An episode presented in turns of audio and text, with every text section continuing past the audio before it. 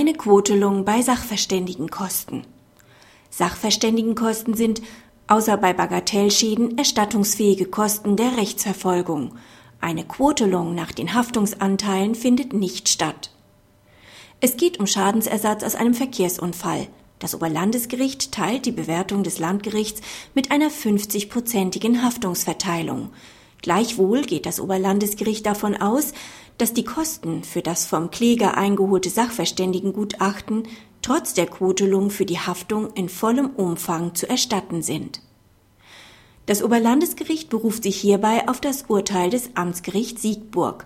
Dies folgt laut Oberlandesgericht aus der Differenztheorie.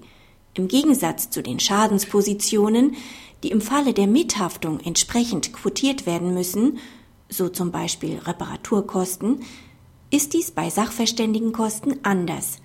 Wenn der Geschädigte den Unfall selbst verschuldet hat, fallen Sachverständigenkosten überhaupt nicht an. Sie dienen ausschließlich dazu, den aufgrund der Haftungsquote erstattungsfähigen Anteil des dem Geschädigten entstandenen Sachschadens von dem Schädiger ersetzt zu bekommen. Auch kann der Geschädigte, anders als bei den Rechtsanwaltskosten, die Sachverständigenkosten nicht von vornherein auf die materiell rechtlich gerechtfertigte Quote begrenzen. Kritik. Die Entscheidung dürfte unrichtig sein. Dies gilt auch für die Entscheidung des Amtsgerichts Siegburg, auf die sich das Oberlandesgericht hier beruft. Die Sachverständigenkosten mögen zwar nur einheitlich anfallen.